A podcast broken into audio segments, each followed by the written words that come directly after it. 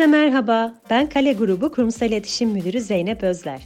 Kale Grubu'nun ilk genel merkezi olan Karaköy'deki binamızda yaşam bulan, dünyanın sanat ve tasarımla daha iyi bir yer olacağı inancıyla hareket eden Kale Tasarım ve Sanat Merkezi olarak Unlimited Publications ile hayata geçirdiğimiz Tasarımın K Hali isimli seriye hoş geldiniz. İlk bölümde konutlarımız yazar Murat Alat ve mimar Dilara Sezgin. Pandemi sürecinde sanat ve mimaride yaşanan değişimler üzerine yapılan bu sohbeti keyifle dinlemeniz dileğiyle.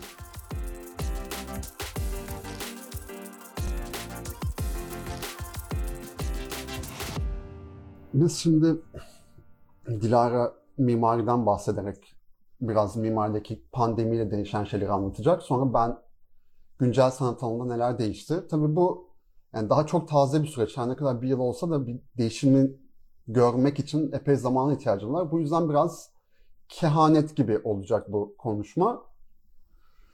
Ama şimdi başlayabiliriz herhalde. Hı hı. Ee, böyle Murat'la bu konu hakkında da biraz öncesinde konuşurken en çok e, hani bireysel olarak hayatımıza nasıl girdi ve e, ve o dönüşümün parçası olarak biz nerede duruyoruz onu konuşmaya başladım ben yani kendimi düşünürken. Ve şu dikkatimi çeken şeylerden bir tanesi e, ve en önemlisi e, Çin'de olay başladığında hani bir kişinin yere yığıldığı bir görüntüyle hayatımıza girdi bu konu ve enteresan bir biçimde işte Aralık mıydı, Ocak mıydı? Dünya Sağlık Örgütü dikkat edin bu bir pandemiye dönüşebilir diye bizleri uyarmadı ve e, bir şekilde işte neredeyse Türklerin yeni e, pandemiyi bertaraf edecekmiş gibi bir psikolojiyle biz iyice böyle konunun dışında kalmış gibiydik. E, fakat e, enteresan bir şekilde bu sayılar işte Kuvayi Milliye sınırlarında içine gelince mimarlık ofisinde çalışan birisi olarak mesela ben e, ilk önce iki haftalık bir e, evden çalışıyoruz ve hiç merak etmeyin işler tıkırında gidecek diye bir mesaj ilettik yani Instagram hesabımızdan. E, ve bütün mimarlık ofisleri de bunu yaptı. Biraz e, inşaat sektörü mesela hiçbir şekilde durmadı. Yani işçiler, e, yani bizim kendi şantiyelerimizden bunu biliyoruz. E, bir şekilde işte diğer herkes büyük bir tedirginlik yaşarken ve neler yapabileceğini, bu dönüşümün e, takip ederken bir kere durmayan bir inşaat sektörü var. E, ondan sonra da bu hem bir eleştiri hem de bir e, böyle yani genel bir tespit. Mimarlar genellikle her koşulda bir tasarım problemiyle karşı karşıyamış gibi oldukları için bu durumda da doğal olarak e, hemen aslında her şey yolunda gitsin diye bir çalışma mekanı planlamasına girildi. E, gerçekten birkaç hafta içinde bizim de e, işbirliği içinde bulunduğumuz markalar e, açık ofis sistemlerinde modüler masalar, çalışma bulutları, işte e, mesai arkadaşımızdan kendimizi nasıl mesafelendirerek her şey yolunda gider diye çözümler önerdi. Aynı şekilde e, okullar için de bir grup e, mimarlık ofisi e, sınıf düzenleriyle ilgili öneriler getirdi ama yani her zaman bu tartışmada yanında bir şey beliriyordu. Hep o da e, sosyal eşitlik ve adalet konuları. Yani hangi okulda bu sistemler gerçekleşebilecekti ya da hangi ofis sistemleri yani bu modüler grupları adapte edip işte çok sıkıcı küçük duvarlarını kırıp bu çalışma alanlarını genişletebilecekti. Bunlar tabii hala seyir halinde olduğumuz konular. Bir böyle e, aslında yaşadığımız bir durum var. Onun haricinde benim yine yakın çevremde e, benim de böyle düşünme anlamında parçası olduğum örneğin e, çok sevdiğim bir arkadaşım doktora çalışması kamusal alanlar üzerine ve e, son aşamalarına gelmiş konu e, aslında çalışmasının ama bir anda bu pandemi konusu var e, ortaya çıkıyor. Bir anda çıkmayan bir şey tabii de işte buna mesela bir chapter açtı muhtemelen gibi böyle e, çalışma alanlarının da artık konusu oldu. Um, yani şu an istersen biraz sen bana paslaşarak Aslında bir şey, şey soruyorsun. Yani, kamusal alanda nasıl bir chapter açtı? Hı hı. Ha evet bu konu enteresan. Bu da açık mimarlıkta geçen haftalarda Yağmur Yıldırım'ın konu Hülya Ertaş'tı. Ee, Hülya e, editör ve mimar. Belçika'da mesela e, yani onun yaşadığı e, ülkede bu, yani bununla yani bu hastalıkla ve bu konuyla beraber insanların hali hazırda kullandıkları açık alan ve mekanların insanların aslında akın ettiği ve hani sporuna devam etmesi ya da işte yani kontamine olabilecek olan alanlardan daha açığa çıkması olarak bir refleks gösterdiğini söyledi. E, Türkiye'de ise zaten hani bir şekilde ilk kısıtlanan yerler bu bir araya gelme mekanları oldu. E, daha sonra bu tatlı çemberler çıktı işte İzmir'de kordonda başlayan bir buçuk metre çapındaki dairelerin çizilmesi gibi. Belki böyle bunların da regüle edilmesiyle ilgili bir chapter olabilir o konu. Bilmiyorum nasıl açtı ve nasıl gidecek ama e, yani ben şöyle düşünüyorum.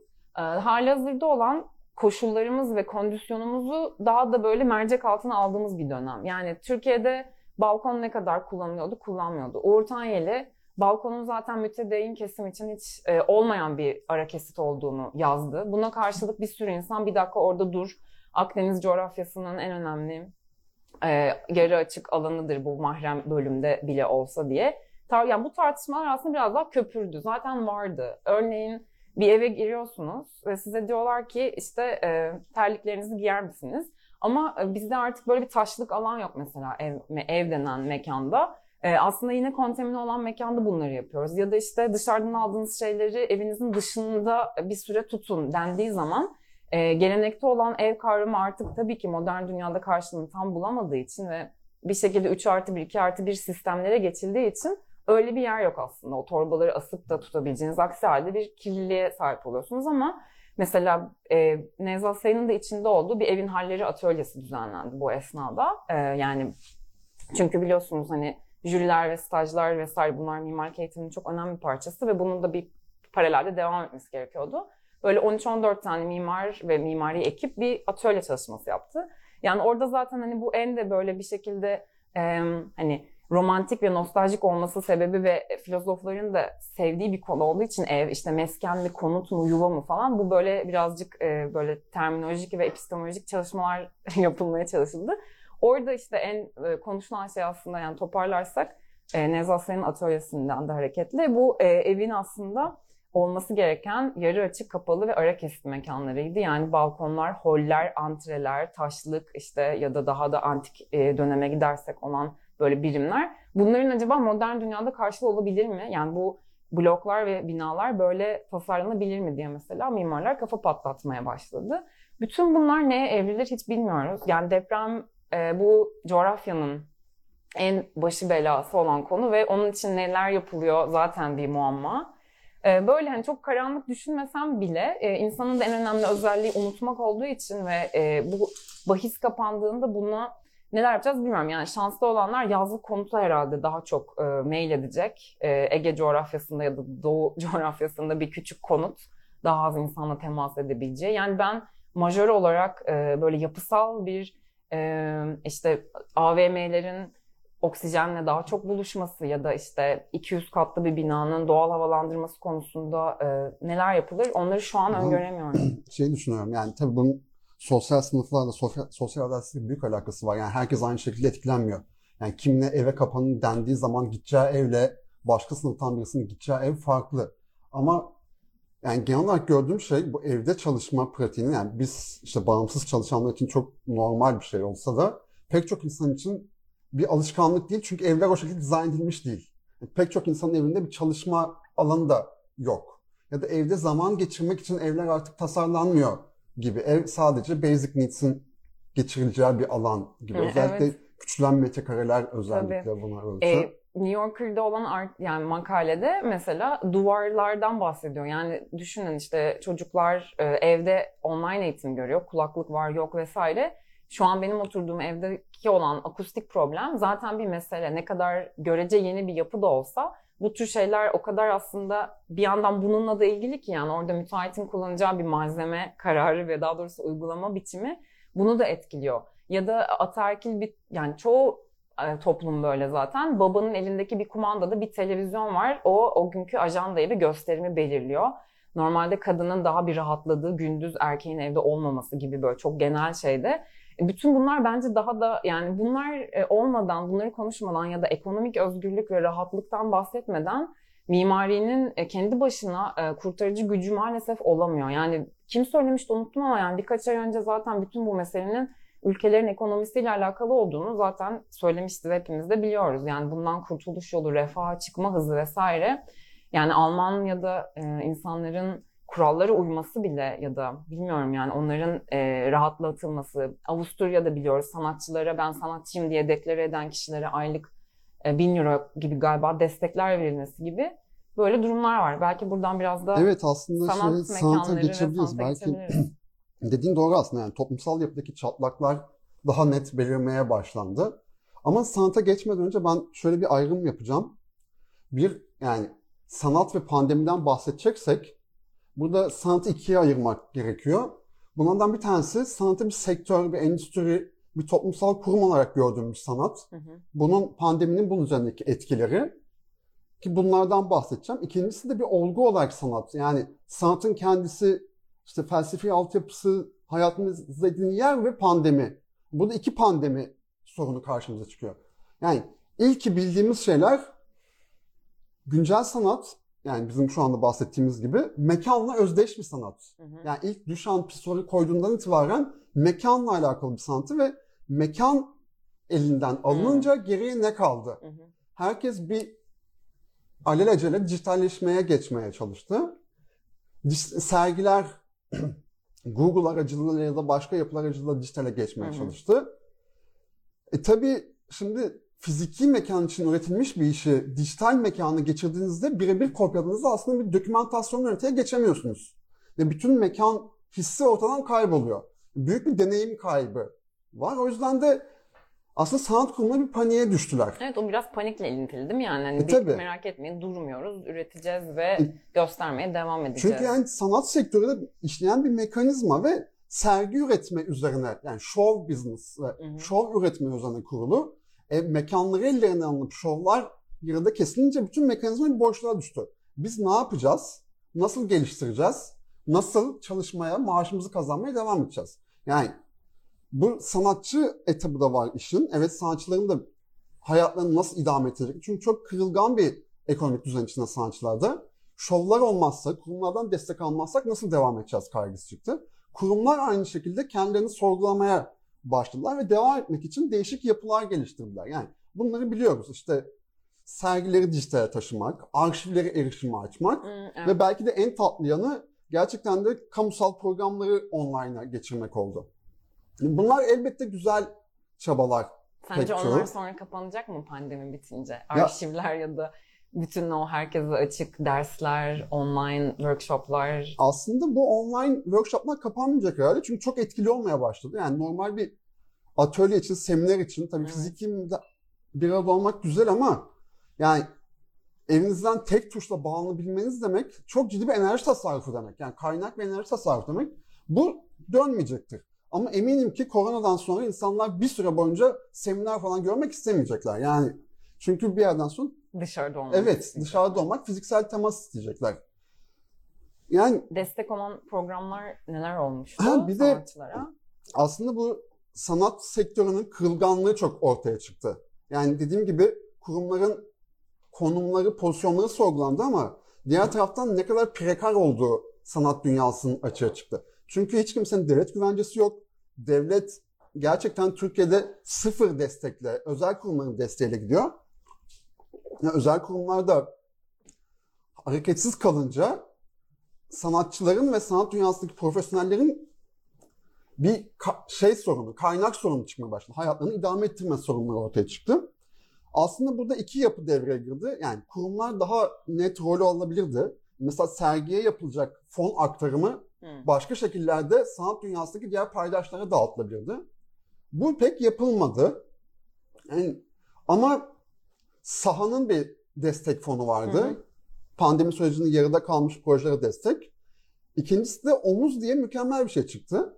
Omuz aslında şey bağımsız bir yapılanma. İşte aslında ihtiyacı olan insanlar, nakdi ihtiyacı olan insanlar başvuruyor. Para verebilecek olanlar da ona veriyor. Bir havuz oluşturma. Çok küçük, çok sembolikti ama ne özel bir kurumdan destek alarak Evet. ne de devletten destek alarak nefesini Evet pek çok ki. kişi. Yani kim Epitop'u 200 kişiye destek verebilirler en fazla. Şimdi üçüncü etap var. 300 Hı hı. kişi olacak ama yani biliyorsunuz Almanya'da milyar eurolar tartışılıyor sanat sektörüne aktarılan. Burada hiçbir şey yok. Yani e tabi bu şeyi gösteriyor. Sanatın ne kadar gözden çıkarılabilir olduğunu. Hı. Yani bu tabi müzik sektöründe falan daha belirgin bir şekilde. Çünkü orada para biraz daha sıcak dönüyor da güncel sanat gerçekten çok kolay gözden çıkarılabilir bir alan.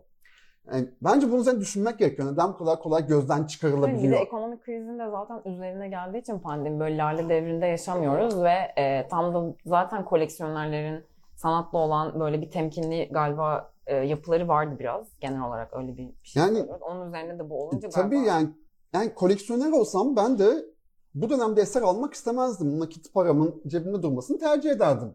Yani bu dönemde işte bu ara yapılar, galeriler ve kurumlar daha değişik rol almalı ve koleksiyonerleri güvence altına almaları gerekiyordu. Yani güven hissetmelerini. Ama onlar da bir boşluğa düştüler. Ne yapacaklarını bilemediler. Ve gerçekten bence en etkisizi sanal sergi turları ve sanal sergilerdi. Herkes bir şey buna koştu. Yani şeyi konuşmak gerekiyor aslında. Yani bu bundan sonra dönemde konuşulacak herhalde. Yani güncel sanat dijital alana nasıl aktarılabilir? Yani bunun yolu belli. Fiziki mekanın kendi koşulları varsa dijital mekanın da kendi koşulları var. Evet o daha yeni düşünülmeye başlayan Yani bir aslında neden mekan yani algısı galiba. Inception filminde Christopher Nolan yıllar önce bunu söyledi yani. Sanal mekanın kendi dinamikleri var. Ama şu an hemen gözümün önüne gerçekten 3 metre duvar yükseklikli mekanlar ve böyle kutular geliyor yani. Sanat Evet, eserine evet. tıklayıp da bilgiyi aldığımız. Yok yani burada güncel sanatı yeni bir me- yani interneti yeni bir mecra Evet. olarak görüp onun dinamiklerine göre sergi üretmek ne olabilir diye düşünmek gerekiyordu. Ama en cümle diyeceğim her şey bütün bu krizler yani internete taşıdık mı taşımadık mı?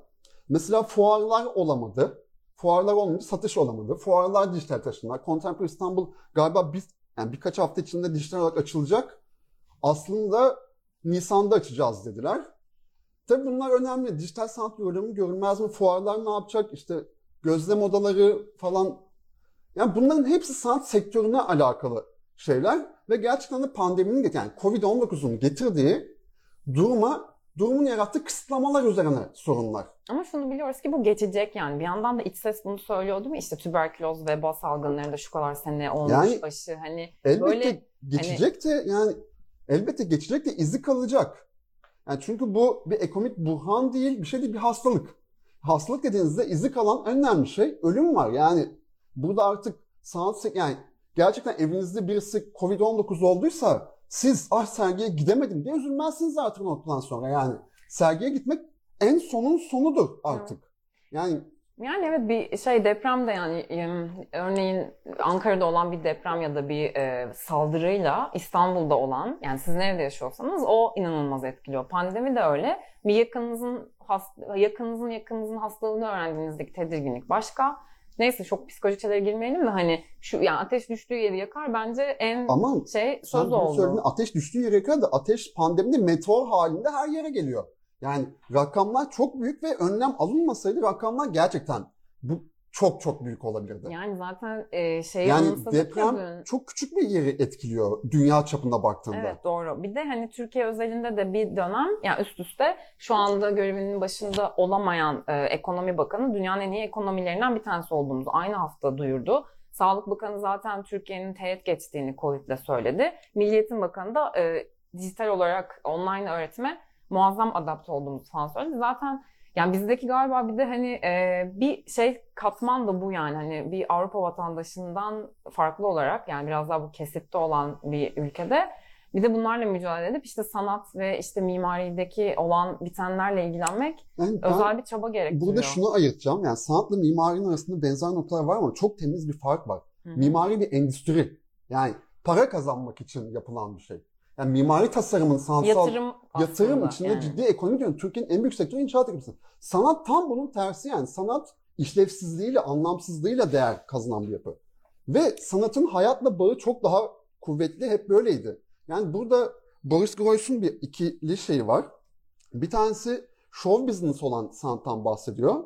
Bir de ideolojik sanattan bahsediyor. İdeolojik sanattan kastımız bizim, yani ideoloji deyince bir tüylerimiz diken diken oluyor. Propaganda sanatı diyor buna. Tüylerimiz diken diken oluyor ama aslında dediği şey yani yaşama dair bir isyanın varsa, bir görüşün varsa sanatla bunu dile getiriyorsun. Hı hı. Burada mimariden ve diğer endüstrilerden ve sanatın kendisi yarılsamadan yani bir yarılmadan ayrıldığını görüyorsunuz. Yani bir fuarın amacı sanat sektörünün para kazanmasıdır. Bu yüzden bu önemli bir şey tabii ki. Ama sanatın amacı para kazanmak değildir. Tabii ki sanatçılar ayakta kalsınlar ve para kazansınlar. Galeriler bunun için çalışsınlar. Herkes bunun için çalışsın. Bunda sorun yok ama sanatın asıl rolü burada biraz daha farklı. Yani burada şuna girmek istiyorum. Yani bu geçenlerde yazdığım yazının da konusu. Yani gerçekten gökten meteor yağarken sanat ne yapabilir? Yani pandemi lafını ben şu yüzden sevmiyorum. Yani bu bir sterilleştirme lafı pandemi dediğiniz şey. Yani olan şey ne? Salgın hastalık. Salgın hastalığın riski ne? Ölüm. Yani 90'da 80 90'da AIDS aynı şey yapmıştı. Ve ondan sonra büyük bir sanatta kırılma yaşandı. Ama bu çok sonrasında geldi. Pandeminin de süresi ve etkisiyle senin dediğin gibi yani ateşin düştüğü yakması gibi süresi ve etkisiyle sanattaki neyi değiştirdiğini belli edecektir zaten. Burada şeye bağlamak istiyorum aslında. Pandemide hemen önce konuştuğumuz bir şey vardı. Hı. Küresel ısınma, iklim krizi.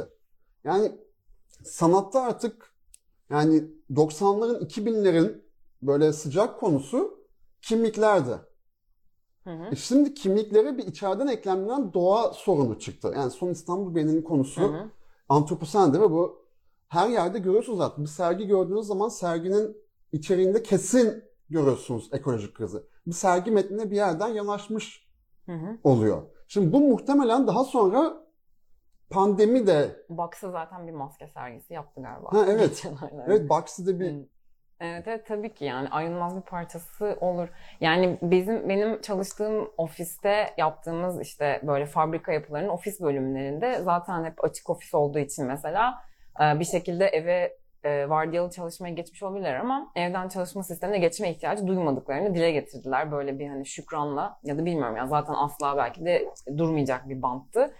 Böyle daha işte e, bir şekilde e, mahremiyet hissi ve aslında mesela akademisyen odaları var yine yaptığımız bir projede bir üniversitede hocaların hep kutular arzu etmesi gibi durum şimdi yeniden sorgulanabilir. Daha herhalde esnek bazı bölümlerin öyle olduğu daha e, yani geniş şeyde e, alanlarda yani kişi başına düşen metrekare ve hacim konusu zaten bir mesele. Bu konuşulmaya devam edecek. Belki sanat mekanları için de aynı şey olabilir. Sergileme yani bilmiyorum gerçi hafta içi gezilen sergilerdeki alımlayıcı sayısı zaten çok böyle yüzlerce olmadığı için aslında görece şey, rahat galiba. şey değişebilir anlamda. belki. Yani şunun değişmesi önemli olur. Yani sanat kurumlarının işlevi sorunsallaşır. Yani yani sanat kurumunun işlevi sergi yapmak mı sadece?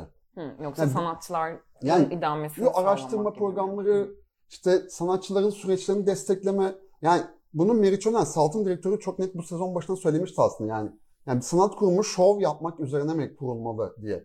Türkiye'deki bütün sanat yapıları, yani bütün demeyeyim %90'ı sergi yapmak üzerine kurulu. Sanatçıların refleksi de böyle. Yani bir sergi yapmak için sanat üretiyor. Yani onun dışında Hı hı. bir kaygıdan yola çıkan sanat üretilmiyor. Bir sergisi varsa sanat eseri hazırlıyor. Yani bir sergiye yönelik telosunda, ufkunda hep sergi var. Ama şimdi sergilerin yapılamadığı, yapılsa bile kimsenin gitmediği bir senemiz oldu elimizde. Ve bu artacak ve bu bir şekilde travmatik bir izle bırakacaktır. Bence bütün kurumların yapısını değiştirmesi ve düşünmesi gerekiyor. Yani sanatın merkezine ne kadar sergiyi koyacağız? Hmm, evet.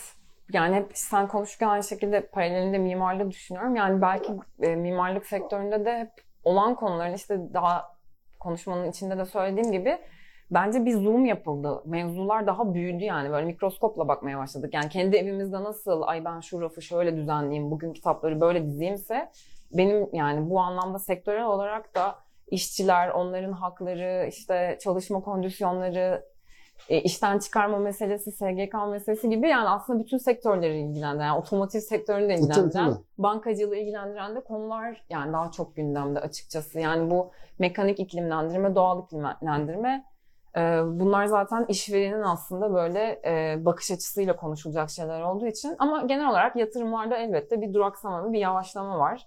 E, onu söyleyebiliyoruz ve görüyoruz zaten. Karar verme e, mercileri daha yavaş şu anda karar veriyor yapacakları yatırıma ve biraz ama pandemiyle beraber zaten ekonomik bir kriz de var yani. O da böyle kenarda köşede bir konu değil. Bütün bunlarla beraber Yani ekonomik kriz ben kendi bildiğim bilelim var. Yani bir türlü geçmedi. Türkiye'de ekonomik kriz hep vardı zaten ve yani yaşasın çaylar gel. artar yani. O. Yani ekonomik krizden bir türlü kurtulamadık. O yüzden biz Türkiye halkları olarak ekonomik krizle yaşamayı öğrenecek şekilde mutasyona uğradık zaten. Tabii yani. tabii canım orası kesin. Ben, Em, benim yani şeyi düşünüyorum yani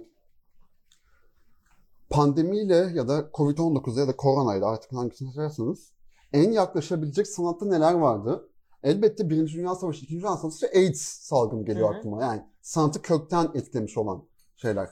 Yani sanat mekanizmalarının değil, sanatın ne yaptığını kökten etkilemiş olan şeyler. Yani, yani Birinci Dünya Savaşı ekspresyonizmi doğurdu. evet. yani İkinci Dünya Savaşı sürrealizmi doğurdu. Yani AIDS keza yine queer sanat alanında önemli bir kırılma yarattı. Yani burada AIDS'e çok benziyor aslında. AIDS çünkü yani 70'lerin bu özgür seks diyeceğim ama tam o değil yani. Bir arada olma, cemaat olma, yan yana olma, iç içe olma pratiğini aslında ayırmaya yönelik bir dönemdi. Yani insanları daha öznelleştirdi. Şimdi biz buradan çıkıp yani mimaride de öyle mesela. Daha fazla kendi başımıza kalabileceğimiz mekanlar mı isteyeceğiz? Artık o kadar kaynaşmaktan korkacak mıyız? Yani ben şu anda bir dizi izlerken birisi birisine sarıldım geriliyorum dizide. Evet tabii Yani- o bir travma yarat, yaratan bir konu. Çocuklar için düşün yani 2-3 yaşında aklı zihni çalışmaya başlayıp farkındalığı olan birisi sürekli bir birey yani. Sürekli olarak maskeli insanlar görüp aman düşürme hani bir emzik düşürme vakası travması şu an bambaşka bir maske olayına döndü. Ben biraz böyle bu konu hakkında düşünürken tüberküloz salgınından sonra Alvaro Aalto'nun Finlandiya'da yaptığı bir hastaneye baktım. Yani bir işte mimarlar çok poetik demeyi çok sever ve işte çok şiirsel ve böyle e, hem modern hem işte şeyler konuşuluyor mesela. Yani hasta bir insanın günlerce kalacağı bir odadaki kendini rahat hissedeceği renkleri düşünmek, işte sessiz olması, duvarların kalınlığı gibi konular ama ya bu tasarımın Türkiye'deki yeri ve konuşması gerçekten çok niş bir e, alan ve çok yani yüzde kaçı kapsıyor bilmiyorum. Biraz böyle e, sosyal kararların verilmesine hep geliyor konu. Yani bunlardan böyle sabahlara kadar bahsedebiliriz ama kimi ilgilendiriyor bilmiyorum yani. Hani bu tür işte çünkü şu an aldığımız haberlere göre e, en üst segmentteki özel hastanelerde yer rahatça bulunuyor ve biraz daha e, hani bir alt seviyedeki hastaneler tamamen dolu vesaire gibi böyle e, konular var ve onların hani kim kondisyonuna bakar, kim orada sessizlik, renk arar bilmiyorum yani böyle e, ama belki ileride hani bu şehir hastaneleri ya da işte pandemi hastaneleri gibi yani daha çabuk üretilebilecek işte Çin'deki birkaç gün içinde biten hastane gibi bu tür yapım metotlarının e, daha işte liyakatla verilen e, projeler olması ve onların konuşulması belki mimarlık fakültelerinde bu konuların daha yani master e, tezlerinde konu olması gibi ve bunların da hayata geçmesi gibi şeyleri ümitle bekliyoruz tabii ki. Yani sonuçta ekonomik determinist konuşacağım da yani ekonomi belirliyor her Evet. şeyi. Yani öyle pek bir şey dönüşüyor değil. Dediğim gibi sanatı Yani sadece birkaç sene sonra herhalde inanılmaz. Ya ben şey çok hayat boyu merak etmişimdir. Yani tarihin içindeyiz şu an. Wow işte hani İstanbul fethedildi, yeni çağ geçiliyor gibi. Galiba şu an hakikaten bir şeyler oluyor. Yani bu 2020'ye addedilen e, olağanüstü işte e, kötülük e, silsilesi aslında tabii biraz daha ileriden baktığımızda dönüp bakıp Ben analizini daha rahat yapacağız. tersten herhalde. okuyorum. Bence koronanın ilk günlerinden beri bizim bir olay fetişimiz var. Hı. Yani bu yani olay bu bir olay bu bir olay korona bir olay diye çok takıldık. Yani bu laf o Hmm. kadar fazla edildi ki bana garip geliyor. Bu da yani biraz spekülatif, spekülatif olacak ama içinde bulunduğumuz çağda bir şekilde olaysızlıktan o kadar yakınıyoruz ki. Yani işte yani bu bahsettiğim olayların nit- niteliksel yanı bir yana. Yani Gezi Parkı büyük olay. Sürekli büyük olay aramak peşindeyiz. Yani deprem işte en kötü çağdayız, en kötü çağdayız, en kötü Hmm. çağdayız. Ha, yani evet. Yani niye yani- bunlar benim başıma e geliyor niye şeyinin- bunlar ama yani yani ben takım 2. Dünya Savaşı diye bir şey yaşadı bu Evet. dünya yani. E, Yani- Kurtuluş Savaşı lütfen yani, Yani- anılar, yenilen yemekler. Yani burada Evet. yani tabii ki Allah o kadar beterini vermesin ama yani bu bir olay fetişi gibi bir şey var. Yani tarihi yaşıyoruz şu an. Bence bu deneyimleyememek, deneyim eksikliği, yani hayatın içinde anlamsızlık gibi şeyleri böyle bir olay maskesi altında doldurmaya çalışıyoruz. Yani felsefeciler böyle daha korona ilk çıktığında hepsi atladı ortaya ve hepsi bir şey söylediler. Yani, yani o yüzden sanatı da bu kadar çabuk bekleyemezsiniz yani.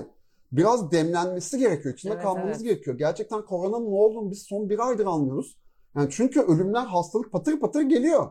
Yani öncesinde bir ihtimaldi. Böyle bir espriydi. İşte evde kalalım, yoga yapalım, dil öğrenelim. Seminerlere katılalım. Tamam da vallahi yani ailen, yakının hastayken, hasta olmuşken bu tehdit etrafında ölen varken o kadar kolay olmamaya başlıyor iş. Yani olayın kendisi vuku bulduğunda öyle romantize ede- edemiyorsun artık. Yani o yüzden tarihsel olarak içinden geçtiğimiz önemli bir süreç garip tabii.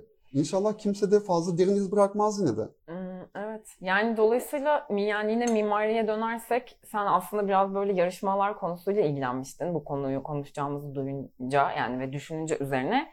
E, bu biraz pandemiden bağımsız ama bu yani bu meanwhile yani bu esnada neler oldu diye düşünürsek eğer e, yeni değişen e, belediye yönetimiyle yönetimi Konkur İstanbul diye bir e, alan açtı kendine ve e, İstanbul'un kıyılarını kentliğe iade etmek üzere bir bir sürü yarışma yaptı. E, bunlarda zaten çok şahane açık alanlar oldukları için e, her türlü işte toplanma mekanı da olabilecek, yayılarak e, açık hava da e, kamusal deneyimi yaşayabilecek olan kentli için bir e, aslında e, o silsile. Umarım onlar gerçekleştir. Hepsi çok heyecanlı. E, bu konuşmayı dinleyip de aa o ne diyenler varsa Konkur İstanbul yazıp e, bakabilirler. Yani bunların tabii pandemiden bağımsız. Ya aslında şöyle bir şey var işte genel olarak. E, ben depremle çok bağdaştırıyorum. Çünkü e, yani deprem yönetmeliği 2006'da ikincisi yapılmış olan bir şey. Bir pandemi yönetmeliği olacak mı mesela onu merak ediyorum ileride. Ya da bunu ilk yapan ülke hangisi olur? Ya da onların koşulları nedir? Belki onlar üzerine düşünebilir. Yani pandemi yönetmeliği olması için bence tabii ki yani depremin kendini sürekli baş gösterebilecek bir faaliyet Ha, olarak, evet. bir olay olarak belirtmesi, tabii. hatırlatmasıydı. Yani şurada bence asıl korkunç olan şey pandemiye dair. Yani kendi ürettiklerimizin ya da doğanın karşısında artık ne yapacağımızı bilemez halde oluşumuz. Yani pandemi bir tanesi bitti de bir tanesi daha gelebilir. Hiçbir önlem mekanizmamız yok. Bir virüsün daha çıkmayacağını kim şey yapabilir?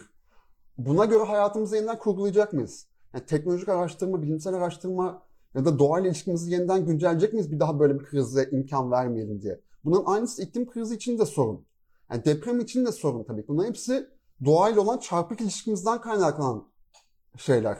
O zaman bol bol D vitamini tüketerek hem ruhumuzu korumamız hem de bağışıklığımızı kazanmamız gerekiyor. Çünkü ben yani şöyle hissediyorum bütün bunlar içinde hani e, ne yapıp edip kafayı yemememiz lazım. Yani işte artık şehirde olan şeyler e, ya da dünyada İşte- çünkü baya birbirine bağlı insanlar. Yani depremden kendini korursun. Yani kapatırsın bir tane şahane çelik strüktür bir yapıya tek katlı. E, işini halleder gider gelirsin yani. Yani günde ama kaç saatini o yapıda geçiriyorsun Bilmiyorum. yani? Hayır tabii ki öyle ama hani şey demek istiyorum yani pandemide herkes birbirine karşı sorumlu ya böyle tuhaf bir durum var dolayısıyla. Yani bak burada şunu deyip şey yapmak istiyorum da yani sanatın ne işlevi olabilir diye bu işte yazım da vardı. Ölüm kol gezerken sanat diye. Tam da bu bahsettiğin şeyi yani sanat evet şeyden koruyamaz. Pandemiden koruyamaz insanı. Ölümden koruyamaz. Yani şayet Freud değilsen yani Freud'un işte geçen gün okumuştum yani ölmeden önce ötenaziyle ölüyor. Ölmeden önce Balzac'ın tılsımlı derisini okumak istiyor. Yani bu aşmış seviyede değilsen gerçekten sanat seni yani pek koruyamaz. Ama şunu yapabiliyor yani benim de değerli bulduğum kısım. Gerçekten de insanlarla ilişkini, doğayla ilişkini, yaşamla ilişkini regüle edebiliyor. Yani bütün bu krize yol açan yanlış ilişkilenmeyi tamir edebilecek gücü var. Ve belki bu çok ütopik ama insanın ölümle ilişkisini de regüle edebiliyor. Yani şundan bahsedeceğim. Yani bu krizler karşısında yapabileceğimiz iki şey var. Bir tanesi delirmek, yani üç şey var aslında. Bir tanesi delirmek, bir tanesi görmezden gelmek, üçüncüsü de onlarla yaşamayı öğrenmek. Evet. Yani son olarak şunu bit- söyleyip bitirelim.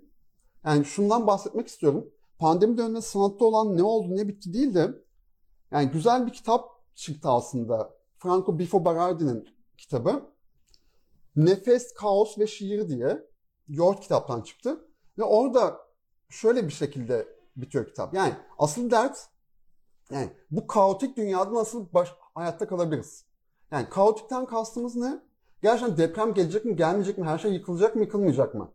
Pandemi gelecek mi, virüs gelecek mi? Hepimiz ölecek miyiz, ölmeyecek miyiz? Yani bir türlü düzene alamadığımız bir yapı varken bu kaosa nasıl baş edebiliriz? Ve Barardi diyor ki, yani kaosla, şiddetle, kaosla savaşarak mücadele edemezsiniz. Kaos savaştan beslendiği için siz ona karşı savaş açtığınızda yenileceksinizdir mutlak olarak. O zaman ne yaparsınız? Kaosla, kaosu kullanarak, kaosun yamacında mücadele edersiniz. Hı hı. Şimdi nefes konusu. Yani pandeminin en bağladığım yer nefes alamadığımız bir dünyada yaşıyoruz şu anda. Ve bunun devam ihtimali de var. Çevresel krizle de beraber. Peki nefes alamadığımız dünya nasıl yaşanır?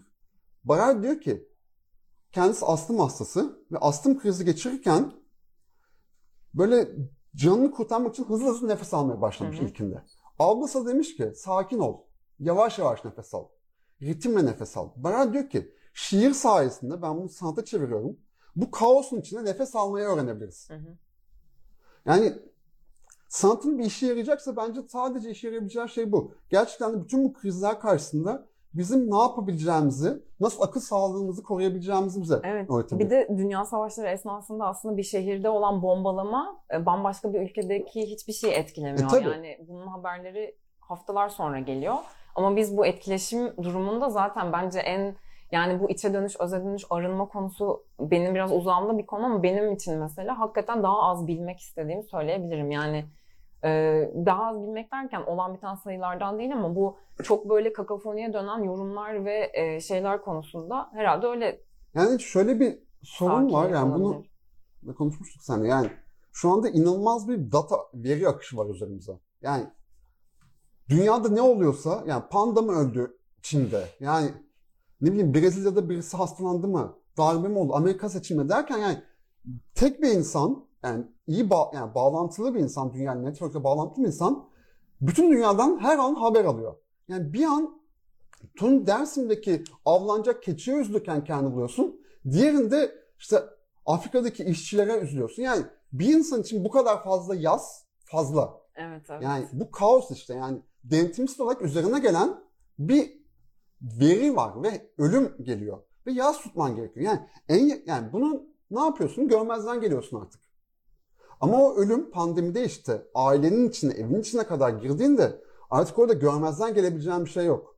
Pandeminin dehşet verici yanı da bu zaten. Herkesin evinin içine aralıklardan Ya giriyor. normalde birinin birisine bir şey olduğu zaman tabii ki sen de üzülürsün. Çünkü aman Allah'ım benim anneanneciğim, babacığım da gidebilir. Ama bu sefer zaten bu haberler hani o kadar yakınında ki yani ensende bir nefes gibi söylüyor sana ama iyi yani bu yapacak bir şey yok. Hani bu bütün sanat ve mimarlığın ötesinde e, yani herkesi sadece daha da titreterek Yani- dikkat et denen diyen Yani- bir şey yani. Bir sektör Bilmiyorum. olarak sanat bu yaratıcı endüstriler dedikleri saçma bir şekilde.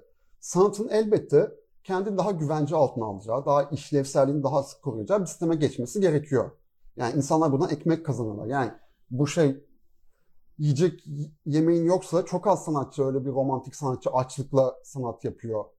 Yani evet, ama yani benim de gönlüm isterdi ki hani işte şey e, apartmanların adı tekrar yazılmaya başlansın, müteahhit firmaların ismi binalara yazmasın ve tekrar o işte e, daha e, ara mekanların tasarlandığı yapılar ortaya çıksın. Bu her anlamda nefes aldırtabilirdi. Ama e, yani bu bütün bu işte biraz artık ne- maalesef nostaljik kaldığı için bu istekler bunların pandemiyle düşünülmesi konusunu ancak seneler sonra düşüneceğiz. O da zaten başka şekilde yer bulacaktır kendine eminim. Şöyle projeler çıkacak işte. Bir şey İstanbul, bir şey ada. Nefes alabileceğiniz. Tabii şey biliyorsun bu kuzey kadar. ormanlarını katledip ondan sonra onun içine orada manzaralı evler yapıp doğa sitesi, doğa evleri, Evet, orman ve doları evleri. kurunu park evleri gibi, e, yani. gibi şeylerle tabii yani bunlar olacaktır. Yani bizim yani tabii ben şu anda bu arada bunu konuşmuştuk aramızda. Danimarka'da ne olup bittiği konusunda bir fikrim yok. Ya da Norveç bu konuyu nasıl ele alıp da kendi mimarisine nasıl dönüşebileceğini söylüyor. Ama biz yani e, biz derken bu coğrafya yani zaten mütemadiyen söyleniyoruz, söyleniyoruz. Hani bir de bu, bu, bu- bunun yani harının çok arttığını düşünüyorum. Bu işte küçülme anda. refleksi var yani biliyorsun yani bu yani geri çekilme, şehirden geri çekilme, daha küçük yaşamlar kurma. Yani pandemiden sonra elbette şanslı bir azınlık. Evet. Yani doğanın daha içinde olabileceği. E çünkü kimlerdi şanslılar? Büyük sitelerde yani büyük sitelerde ferah evlerde oturanlar, Şey villalarda oturanlar şanslıydı. İkinci konut denen bir kavram var ya, Hı hı. öyle geçiyor adı yazlıklar. Onlar yazlık değiller belki artık. Yani onların işte genelde bir e, ısıtma sistemi yoktur vesaire. Hani daha ekonomik çözülür. Hani ikinci ev yapmak çok kolay olmadığı için böyle enteresan durumlar var. Yani tabii e, yerel e, olan e, küçük e, kasabalardaki insanlar da dışarıdan insanlar gelmesini istiyorlar falan. Yani böyle bu muhabbet Yok yok istiyorlar gelsin. Hayır hayır şöyle ama yani Bodrum'a gelmeyin artık işte Bodrum bizim hani Ha. falan böyle ya Kaş işte gelmeyin. Siz yani öyle bir şey dönüyor ya işte kütük bende Kaş bende Bodrum falan gibi bilmiyorum yani bunlar bilmiyorum yani umarım hani ben şöyle bir şey gönlümden geçiriyorum. Ee, bu Ege kıyılarından öte biraz daha böyle e, hani Türkiye'nin doğusuna da bir yatırım olabilecek şekilde bilmiyorum yani Van'da küçük bir arazi alalım falan diye konuşulur belki. Neyse Dün biraz saçmaya şey- başlamış olabilirim ama hani aslında çok böyle şeyde kaldık yani işte şehir işte şöyle dertler böyle dertler ama yani biraz daha e, belki o yoğunluğun distilasyonuyla da çözülebilir Yani birçok bunların şey. hepsi ekonomik yani. ki Şansı olan canım. gider. Yani Ayvalık'taki ev fiyatları artmış bayağı uçmuşlar. Dün akşam haber vardı. İstanbul'daki yani Hmm, fiyatlara evet. yaklaşmışlar. Yani. Ayvalık İstanbul mu oluyor gibi Evet, böyle. haber var yani. Ama günün sonunda şansı olanlar tabii ki daha doğaya yakın yaşamak isteyecekler. Yani daha büyük bahçeli evler isteyecekler. Yani e, çok- Arnavutköy'de abimin eski oturduğu binada abim tek kişi yaşıyordu. Bir artı bir. Aşağıda beş kişi yaşıyorlardı. E, hani hem ekonomik olarak öyle yetişebiliyorlardı hem de ya o beş kişinin de dışarıda gördükleri insanları ve sonra aynı mekanda olmaları. Mesela izolasyon odaları yani evlerde e, nasıl böyle ben çok üzülüyorum dinlerken işte sanki her odanın bir e, ıslak hacmi varmış gibi orada tuvaletini yapabiliyormuş gibi insanlar 10 gün boyunca orada yemek servis ediliyor. Ee, böyle evler mesela e, Müller House diye bir ev var. Adolf Loos'un 20'lerde e, Prag'da yaptığı bir ev. Orada mesela zaten şahane bir aile için yapılmış bir evde. Hastalık esnasında evin sakinlerinin kalabileceği oda var mesela. Sanity Room diye geçiyor. Hani yine işte şey güzel hani zaten o da e, kahyasını bir tuşa basarak çağıran bir evin e, Ha, sistemi. E, böyle durumlar. Yani bizde onun karşılığı yurt var hani böyle HES kodunu e, söylemeyen insanın gideceği yer. Bilmiyorum enteresan. Yani biraz böyle bence çok şahane bir mimarlık fakültesi konusu. Bunların böyle distopik ve ütopik varyasyonlarını çılgınlar gibi çalışıp işte e, realize olabilenler de belki olur gibi düşünüyorum. Sergi odaklı bir sanat çevresi var. Ve bunun değişmesi gerekiyor zaten. Sonuçta sanat sektörü diye adı Evet, sanat sektörü yani bunu işte. Yaratıcı endüstriler diye böyle çok havalı bir başlıkla sunuyorlar. Sanat sektörü. Ama bunun değişmesi gerekiyor. Bence burada en büyük açmamız sanatçıların sergi odaklı olması. Yani sergi yoksa üretim yok. Yani herhangi bir kuruma yapı bağdaşmıyorsa, kurumla iletişime geçmiyorsa sanat üretimi yok. Yani bu affedersiniz İngilizce ama işte itki diyeceğim, urge. Yani yaratmak için, hayata cevap vermek için bir refleks olarak üretim gerekiyor. Ve bu daha sonra endüstri tarafından kullanılıp kaynağa dönüştürecekse eyvallah. Ama günümüzde sanat üretiminde böyle bir itki çok fazla yok. Yani benim pandemide gördüğüm şey bu Covid'de ya da işte sokağa dökülmüş ölümde gördüğüm şey yani sanatın böyle bir itkiye ihtiyaç duydu ve böyle bir itkiye hepimizin ihtiyaç duydu. Yani kişisel olarak ilişkilenmemiz, akıl sağlığımızı korumak için sanat terbiyesinden geçmemiz, sanatla ilişki kurmamız bunlar sanatın yeni odağı olmalı. Yani yeni odağı değil, hep odağıydı da bu olduğunu hatırlamalıyız gibi geliyor. Yani sergidense, şovdansa yani bu İngilizce şov deniyor yani sergiye. Garip yani tamam göstermekten geliyor ama bir taraftan show business'la da çok bağdaşan bir şey. Ve tekrar dedim yani kurumların merkezinden sergiyi aldığınızda birden boşluğa düştü hepsi. Yani bu dev gibi kurumlar yani Türkiye çapında ya da dünya çapında. Ekonomik olarak da zor duruma düştüler. Ne yapacaklarını bilemediler. Yani koleksiyondan iş mi satsak işte çünkü fonlar gelmiyor, sponsorlar çekildi, sergi açamayınca fon yok. Yani küçük çaplı etkinlikler çok etkilendiler. Evet bir de bu Çünkü- global olduğu için çok çılgın bir sorun yani. E, tabii. Burayla kısıtlı olan bir şey olmadığı için e, işte e, Yunanistan değil de yani başka bir ülke fon aktaramıyor yani. Hepsi zaten Yo yani eş zamanlı bir şöyle fonlar proje bazlı veriliyor. E proje iptal olunca fon iptal oluyor. Hı hı. Çok teşekkürler. Teşekkürler, sağ olun. Ee, Yaşasın. son olarak e, Kale Tasarım ve Sanat Merkezi'nin ev sahipliğinde ilk etkinliğimizin sonuna geldik. Dinleyen herkese çok teşekkür ediyoruz. İyi günler. İyi günler.